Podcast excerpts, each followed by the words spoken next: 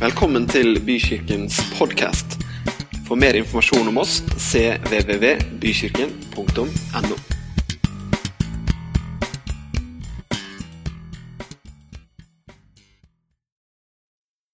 har en innrømmelse å komme med før vi begynner i dag. Jeg er en stabeis. Jeg er en litt sånn vanskelig kar. Min kone har erfart det opp gjennom årene at jeg ikke er den enkleste å få med på nye ting. Kanskje på noen områder så er jeg litt eventyrlysten og litt spontan, men på mange ting så setter jeg meg litt på bakbeina. Og Da burde det jo kanskje ikke overraske meg at mine barn også oppfører seg litt på den samme måten. Det fikk jeg oppleve her eh, i eh, høst, når vi eh, var ganske lei meg og konen av at eh, de satt og så på YouTube liksom som underholdning. Og vi sa "Det- det- nå har dere rundet YouTube snart. Så må det være noe annet vi kan se på sammen som familie på fredagskvelden eller på lørdagskvelden. La oss fortelle dere om et univers som fins der ute.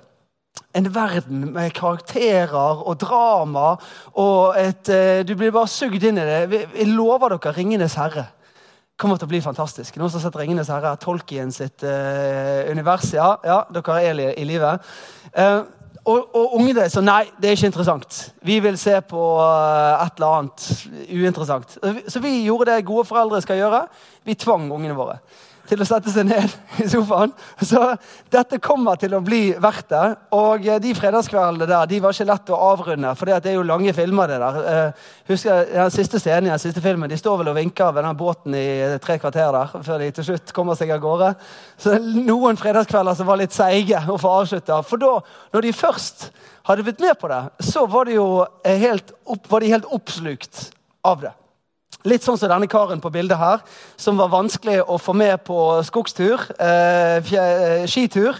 Det er en, et eksempel på at jeg, jeg burde ikke være overrasket over at ungen er litt sta. Eh, Han karen der, ca. tre timer før det bildet der er tatt, er en ganske sånn molefonken, kjip ektemann som sier kan ikke vi bare være hjemme, da. Det er jo, vi kan jo se på ski på TV, liksom. Eh, Det, det er på det nivået der. Men her er det en mann som har latt seg overtale og eh, har tatt på seg sånn glow in the dark-lue. eh, på et eller annet vis. Og ungene er sånn passelig fornøyd, de også. Det er noe som kalles for bottom up learning i pedagogikken. Det er at noen ting eh, lærer vi ikke fra, fra forståelsen som blir til handling, men vi gjør oss en erfaring, vi gjør oss en opplevelse. Vi får en, eh, eh, noe, en nærkontakt med noe som gjør at på andre siden av det så opplever vi det som gøy eller viktig eller verdifullt. Og Jeg har lyst til å ta dere til eh, noen bibelfortellinger i dag som viser litt av den dynamikken i møte eh, men, mennesker og Gud. At det er ikke alt som bare gripes her først, men på en eller annen måte så oppleves det.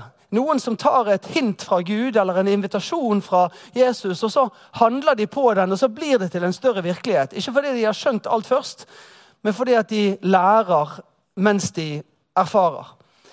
Vi skal møte en velstående syrisk general, og så skal vi møte ti spedalske menn som Jesus blir kontaktet av. Og De får hint om at det er verdt å stole på Gud, men så reagerer de litt ulikt.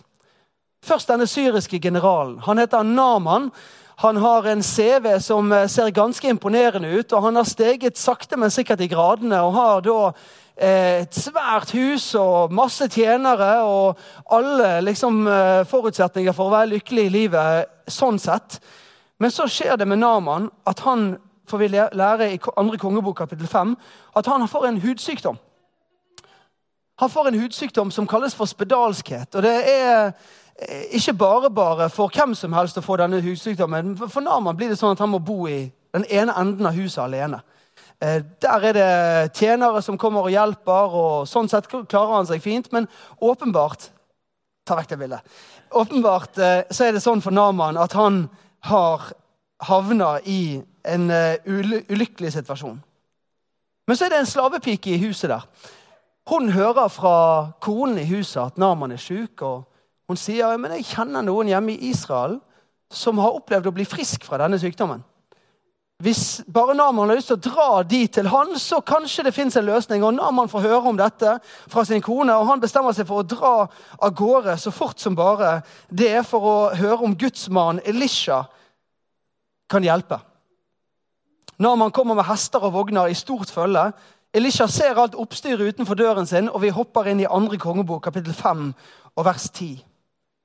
Elisha sendte ut bud til ham og sa:" Gå og vask deg syv ganger i Jordan. Så skal kroppen din bli frisk, og du skal bli ren. Da ble Naman sint og dro bort. Han sa, 'Jeg trodde han selv ville komme ut til meg, stå fram og påkalle Herren sin Guds navn,' 'føre hånden fram og tilbake over det syke stedet og fri meg fra sykdommen.' Er ikke Abana og Parpar, elvene ved Damaskus, like gode som alle vassdragene i Israel? Kunne jeg ikke vaske meg i dem og bli ren? Så snudde han og dro bort i fullt sinne. Så når man har reist eh, langt og lenge og håpet at det skulle skje noe, at denne mannen skulle hjelpe ham, men så er ikke det på den måten som han hadde forestilt seg. Og da kan det være så godt. Da reiser jeg bare en annen vei. Hvis det ikke er sånn at Gud stiller opp på den måten jeg hadde forestilt meg, så sier Naman at da, da reiser jeg herfra umiddelbart. Det var ikke sånn dette skulle fungere. Det var ikke sånn det skulle bli. Så blir han sint og snur. Noen hundre år senere er det en gruppe som har den samme hudsykdommen. Det er ti spedalske menn, står det om i Lukas evangeliet. Og Jesus er på vei til Jerusalem, drar sørover gjennom Samaria og Galilea. og På vei inn til landsbyen så hører han noen som roper av full hals. De må ha på en eller annen måte hørt rykte om at Jesus kan utrette mirakler. Han kan på en eller annen måte kanskje være redningen for deres utenforskap og isolasjon fra samfunnet for øvrig. Så de roper av full hals denne setningen her. Jesus, mester, har barmhjertighet med oss. En litt rar setning på en måte, for du skulle jo tro at de var litt mer konkrete. Jesus, mester, helbred oss fra denne sykdommen. Eller Jesus, mester, kom hit og legg hendene på oss så vi kan bli friske fra dette. Et eller annet som er litt sånn upresist, men håpefullt. Og de ber om Jesu medlidenhet. Jesus er ikke vanskelig å be, men Jesus svarer på en utrolig rar måte. Han går ikke bort til dem og legger hendene på dem, sånn som Elisha ikke har gått bort og lagt hendene på Naman og ført hånden over det syke stedet. Men han sier bare denne setningen her. Gå, roper tilbake til dem. Gå og vis dere for prestene. Gå og vis dere for prestene. ikke det en litt rar replikk? Jesus, mester, ha barmhjertighet med oss, må ha medlidenhet med oss. Ja, ja, gå og vis dere for prestene, roper han tilbake igjen til dem. Hvorfor er det så rart? Jo, for det er jo det man skal gjøre etter at man har blitt helbredet. Rekkefølgen her er jo helt snudd på hodet. Prestene fungerte som sånne som var nærmest fastleger. Det var deres oppgave hvis noen eh, merket at det kanskje hadde skjedd noe, at de hadde opplevd å bli fri fra en sykdom, eller eh, noe mirakuløst eller naturlig hadde skjedd, så var det prestene som skulle verifisere det. Skulle utstede et, liksom et bevis og si denne personen er nå ikke lenger spedalsk og kan vende tilbake igjen til samfunnet. Det var det prestene skulle gjøre. Men her er altså disse ti syke karene som får beskjed full i byller og sykdom, får de beskjed om å begynne å gå og vise seg for prestene. Jeg tenker at det er all mulig grunn til å bli forvirret. Og egentlig all mulig grunn til å reagere på samme måte som Naman og bli sint. Jesus, vi ber om medlidenhet. Så kommer du her og sier dette. Men hva gjør disse ti? Jesus eh, har sagt 'gå og vis dere for prestene'. og Jeg skulle ønske Lukas brukte litt mer ord noen ganger. Han sier bare én setning. Mens de var på vei dit, ble de rene. Mens de var på vei dit, ble de rene. Så prøv å forestille deg liksom, dramaet av denne scenen her. da. De ti mennene her, Jesus 100-200 meter borte, nok til at han hører at de roper. De, han roper tilbake igjen, 'Gå og vis dere for prestene.' De begynner å gå i en annen retning mot landsbyen. Og mens de går, så ser jeg for meg dramaet av at den ene ser på den andre og sier 'Hva er det som skjer med hånden din?' Den ser jo, Huden er jo, begynner å bli bra. Ja, hva er det som skjer med ansiktet ditt? Og mens de beveger seg, så skjer et mirakel i kroppene deres. Etter én meter, to meter, ti meter, 100 meter Jeg vet ikke hvor langt de har gått, men mens de går, så blir de friske. Hvem er det du kjenner deg igjen i, hvis vi skal ta et lite, zoome litt ut og se på disse situasjonene? Hvem er det vi kjenner oss igjen i av disse elleve menneskene? Eller for å si det på en annen måte hvordan fungerer min og din tro? Hvordan fungerer min og din tro på Gud i vår hverdag, i møte med komplikasjoner og muligheter? Hvordan agerer vi når vi skal være troende mennesker? Eller hvis du er her i dag og er litt sånn utforskende og nysgjerrig rundt kristen tro, hvordan agerer du i det? Må du skjønne alt, eller finnes det et handlingselement? La meg dele tre raske refleksjoner. Om vi ser for oss at det å følge Jesus, eller å være, leve i tro, handler om et liv der Gud på løpende bånd leverer den ene bønnesvaret etter den andre akkurat på den måten vi hadde forestilt oss at det bønnesvaret skulle komme, da blir det ganske fort en frustrerende vandring. Naman han er den fyren som har bestemt seg for å tro. Det tilhører denne definisjonen. Det er denne boksen jeg har. Sånn ser jeg for meg at Gud er. Sånn ser jeg for meg at Gud handler i møte med meg. Sånn ser jeg for meg at dette skulle bli. Og hvis det ikke er sånn, da kan det være så godt. Eller om vi for det andre ser for oss at kristen tro eller følge Jesus handler om å opparbeide seg en 100% klarhet og forståelse og innsikt i det, hvordan det teologisk henger sammen, og hvordan vandringen med Jesus følger et gitt mønster og et gitt system, og vi skal ha det til å gi mening i topplokket først, før noe annet kan skje. Da blir vi stående og rope tilbake igjen til Jesus. Hva mener du, gå og vis det for prestene? Det er helt feil rekkefølge, Jesus. Nå skal du høre her, Jesus. Jesus, Det som skjer først, er at vi sier medlidenhet. Så sier du helbredelse. Så går vi og viser oss for prestene, og så fortsetter vi. Det er det som er rekkefølgen her, Jesus. Vi, da blir vi stående der og være frustrerte over at det ikke gir 100% mening i hodet vårt. Men hvis jeg kan foreslå for deg at disippelskap og tro heller handler om holdninger eller en innstilling av vågemot, tillit, nysgjerrighet, handling, dristighet. Hvis det er sånne ting som tilhører liv, et liv i tro, eller å følge Jesus, da gjør vi som de ti spedalske og bestemmer oss for at ok, Jesus, det gir ikke helt mening, den responsen du gir meg i dette øyeblikket, men jeg tar et steg. Jeg går i den retning. Jeg jeg tar hintet. Jeg følger innskytelsen. Noen måneder i forveien så har Jesus sagt til disiplene Hvorfor kaller dere meg Herre, Herre? Og så gjør ikke dere det jeg sier. Den som kommer til meg og hører mine ord og gjør det de sier. Jeg skal vise dere hvem han ligner. Han ligner et menneske som skulle bygge et hus, og som gravde dypt og la grunnmuren sin på fjell. Eller om eh, fra halvbroren Jakob eh, sine ord i Jakobs brev kapittel 1. Dere må jo gjøre det ordet sier, ikke bare høre det. Ellers vil dere lure dere selv, bedra dere selv. Da blir dette her bare på lat. For den som hører ordet, men ikke gjør det ordet sier, ligner en mann som ser på ansiktet sitt i et speil. Han ser på det, går sin vei og glemmer straks hvordan han så ut. Men den som ser inn i frihetens fullkomne lov, altså Guds ord, og fortsetter med det, blir ikke en glemsom hører, men en gjerningens gjører. Og et slikt menneske skal være lykkelig i sin gjerning. Det er en sånn religiøs impuls som ofte aktiveres hos mange mennesker når vi leser sånne ord som dette. Det at vi på en eller annen måte plutselig får en sånn fornemmelse av at dette handler om noe merarbeid. Eller dette handler om et eller annet som eh, skal eh, gjøres av plikt. eller av, eh, Plutselig så oppstår det en sånn hjemmelekse i vandringen med Jesus. Nå er ikke nåden nok. Nå kommer dette på toppen av det hele. Men det Jakob og Jesus forsøker å beskrive, er jo en tillitsfull relasjon. Der det er kort vei mellom det å høre og handle. Der det fins en sammenheng i livet mellom de tingene som vi får hint om, og det vi våger å handle på. Og Jesus og Jakob prøver å si det begge to. De sier salige eller velsignet er de som hører Guds ord og tar vare på det.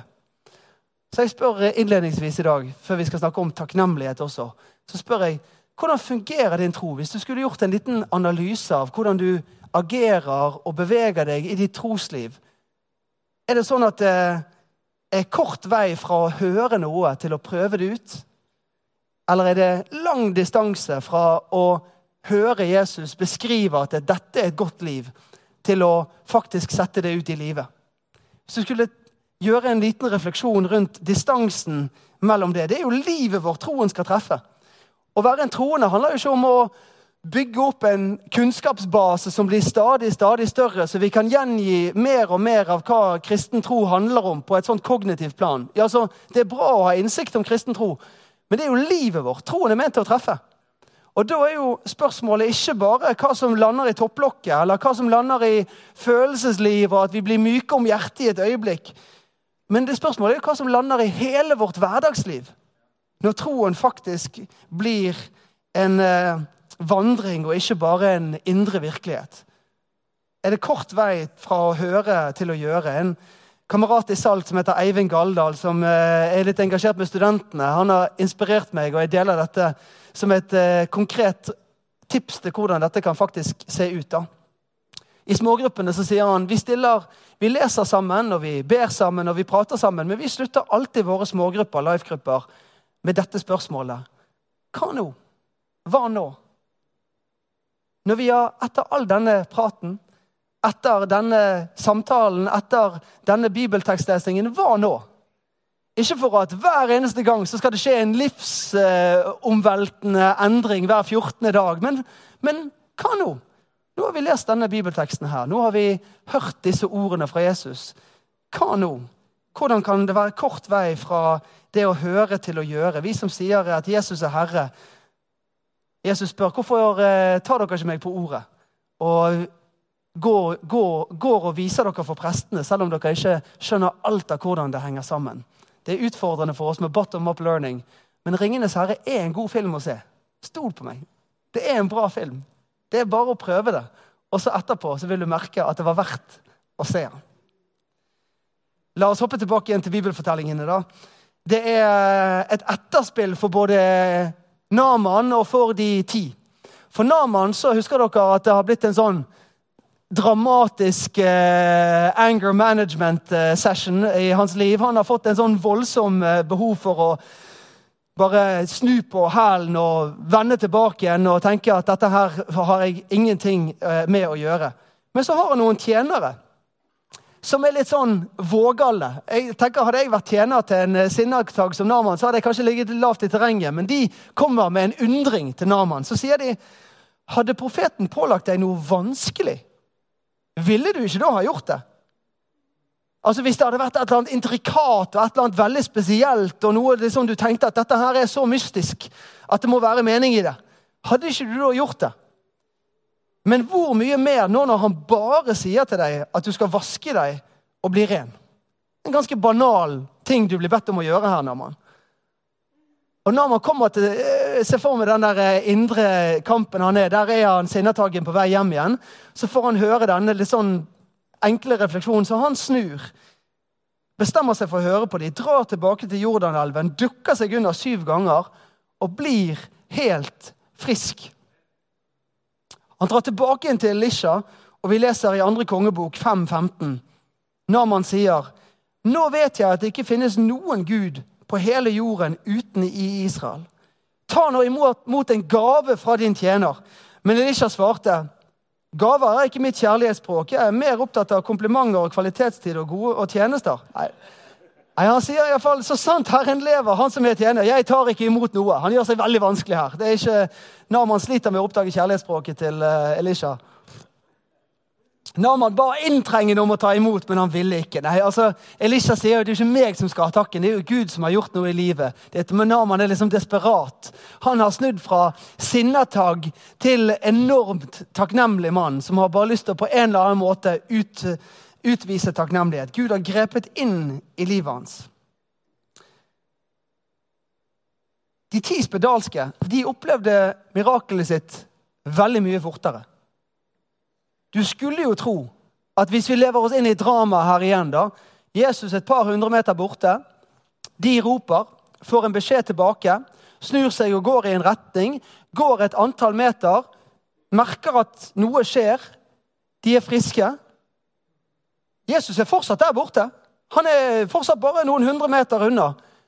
Jeg, hvis jeg aldri hadde lest den bibelfortellingen og skulle gjette hva som skjer i dette øyeblikket, så er det at samtlige ti snur 180 grader og løper i retning av han som har levert tidenes medlidenhetspakke.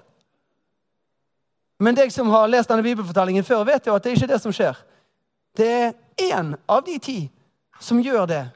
De ni, hvor er de blitt av? Jesus spør ble ikke alle ti rene. Hvor er da de ni? Var det ingen andre enn denne fremmede som vendte tilbake for å gi Gud æren? Og han sa til ham, reis deg og gå, din tro har frelst deg. La meg dele noe avslutningsvis i dag om takknemlighet. Vi snakket om troen og troens liv og hvordan vi agerer i møte med ordene som Jesus eh, sier, og hvordan vi evner å høre dem. Men la meg dele noe om takknemlighet også, som tilhører denne fortellingen. Hvordan står det til med din evne til å være takknemlig? Eller for å spørre på en annen måte, hvor mange ganger i løpet av en dag tenker du at du sier takk?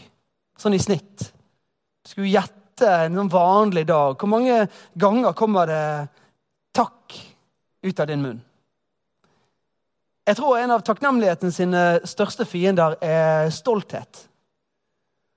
Stolthet er den følelsen som sier ja, men det har jo jeg rett på. Det skulle jo bare mangle.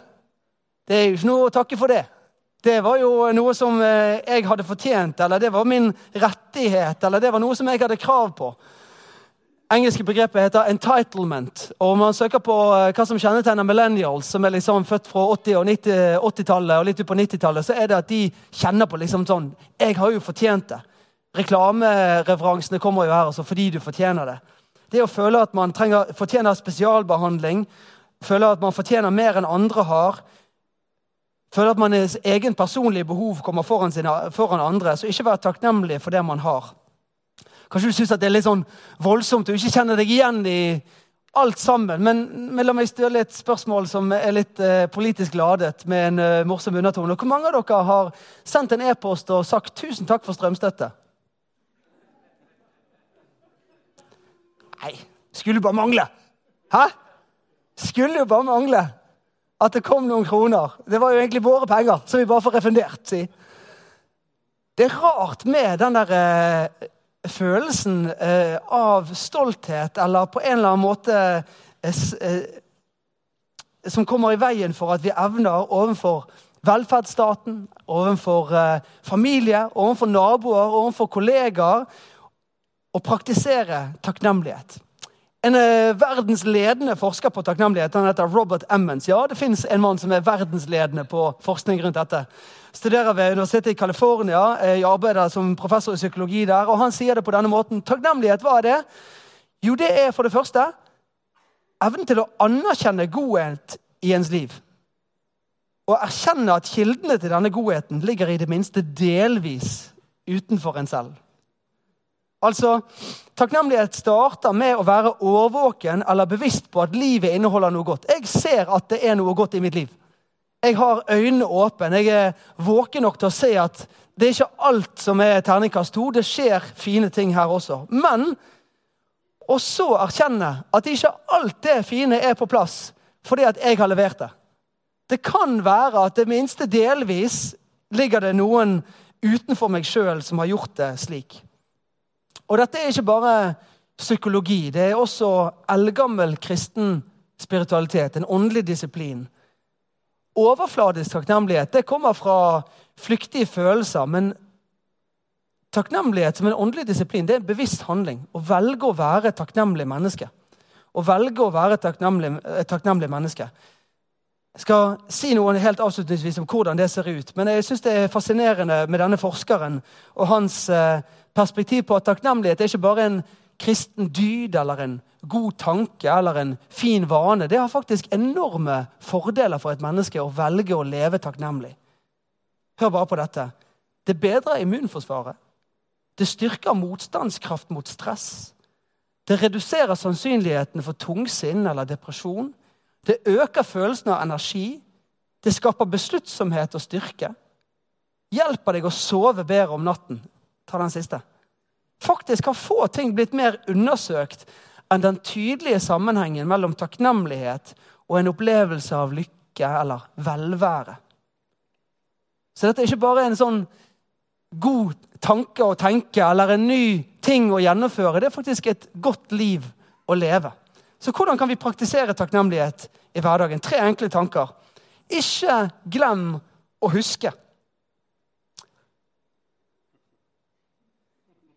Det å være takknemlig er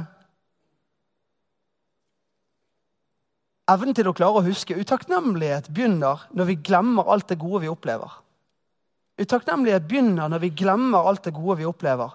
Hva andre mennesker har gjort for oss i dager, uker og måneder som har gått, hva gode ting som har skjedd i livet. Der, der Gud stilte opp og var til stede, der vi glemmer hva han har gjort for oss i stort.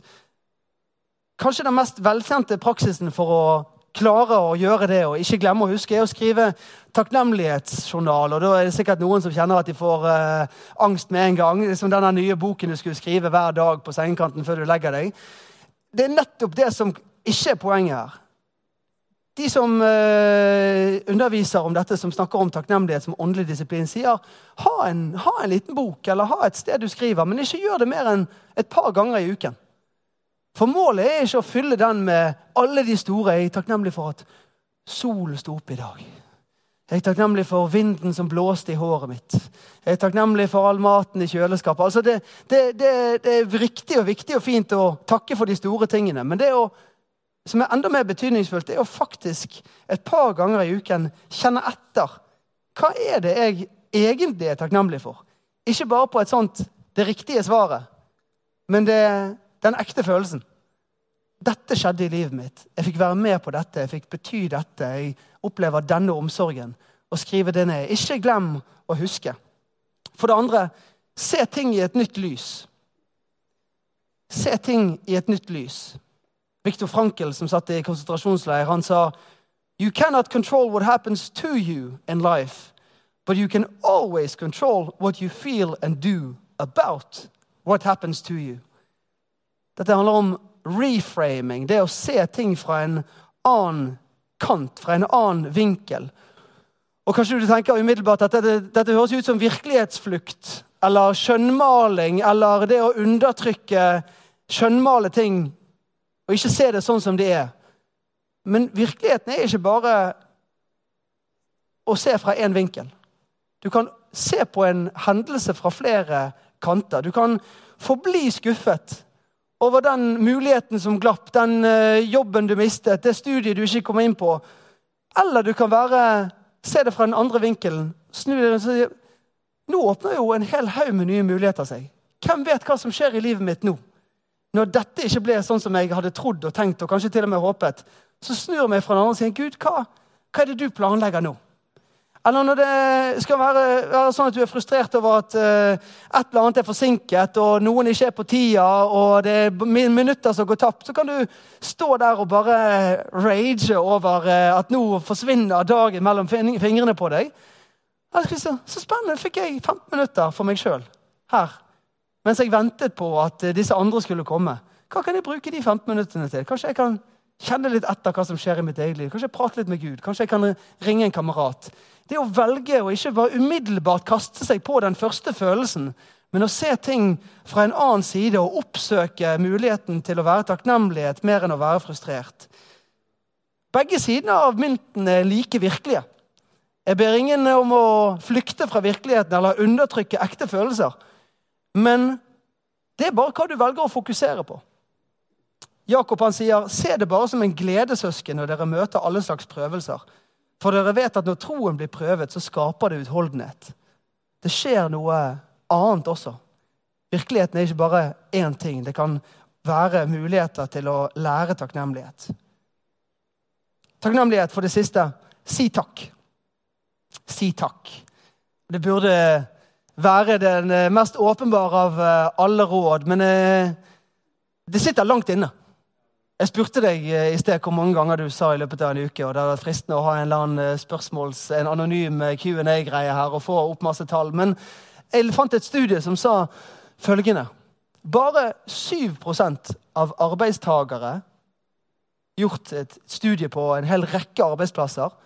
7% sa takk til sin arbeidsgiver. 7% sa takk til sjefen sin. Og bare 10% hadde sagt takk til en av kollegaene sine.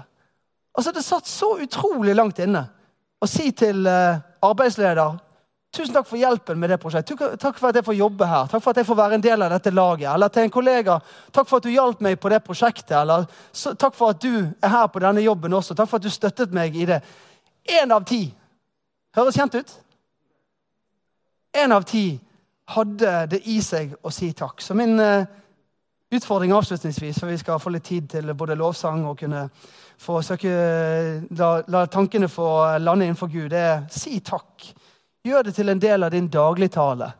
Skriftlig og muntlig. Sitter der og skriver en e-post. La det ikke være det vanskeligste ordet på tastaturet. Si tusen takk. Si takk til den personen du møter. Og Kanskje det føles nesten som et fremmed ord hvis du har brukt det altfor lite. Så vil du merke at det sitter løsere og løsere og løsere. Vi reiser oss opp sammen, og så har vi i dag eh, blitt kjent med elleve fine folk som eh, møtte et eh, hint fra Gud, og som valgte å handle på det. Jeg ber en bønn, og så kan du få lene deg inn i det med ditt trosliv og der, du, der disse ordene har truffet deg. Takk, Jesus, for vi får åpne ditt ord. For at det er å speile oss i noe annet enn sosiale mediestrømmer og underholdningsvirkelighet og nyhetsbilder, men vi kan speile oss i din virkelighet. I eh, dine tanker om hva det er å være menneske, hva det er å ha det godt med oss sjøl og godt med hverandre og godt med deg. For at du ikke står her for å gi oss nye hjemmelekser innenfor en ny uke, men du eh, oppmuntrer oss til å gripe det virkelige livet. Jeg ber for mitt eget liv og for våre liv at når vi hører dine ord, så skal det vekkes en nysgjerrighet og en vågemot og en tillit til å handle på det. Ikke for å prestere eller levere, men, men vi vil vil høre dine ord og gjøre det du sier. Takk for at du inviterer oss til alt det som er godt. Som Bent Ove sa, du er en far som gir gode gaver. Og vi vil være tillitsfulle som uh, de som gikk og viste seg for prestene. Jeg ber for hver enkelt i dette rommet. Du ser vår uh, dynamikken av vår tro, hvor vi frustreres, og hvor vi håper, og hvor vi ønsker at ting skal være på en viss måte. Kom og møt oss. Gi oss eh, vågemotet til å ta steg i tro. Enten det er på arbeidsplassen, eller det er i møte med venner vi skulle ønske at lærte evangeliet å kjenne, eller det er i eget liv og ting som vi har lyst til at skal endre seg. Hjelp oss at det er en troens vandring, og ikke en nølingens eh, vandring. Jeg ber om det. Jeg for livene våre at de ikke skal være klogget ned med utakknemlighet og stolthet. Men at du gjør noe inni oss. Takk for at det, du vil og virker i oss til å gjøre det gode etter ditt behag. Du ber oss ikke om eh, selvforbedring eller atferdsendring, men du eh, skaper en ny virkelighet på innsiden av oss. Vi tar imot åndens liv, av takknemlighetens gave. Det å våge å møte situasjoner med åpne hender istedenfor å krysse de og være reserverte og tenke at alt er noe jeg har fortjent. La takken sitte løst på våre lepper. Mm. Jesu Kristi navn. Amen. Så flott. La oss være i lovsang og i bønn sammen.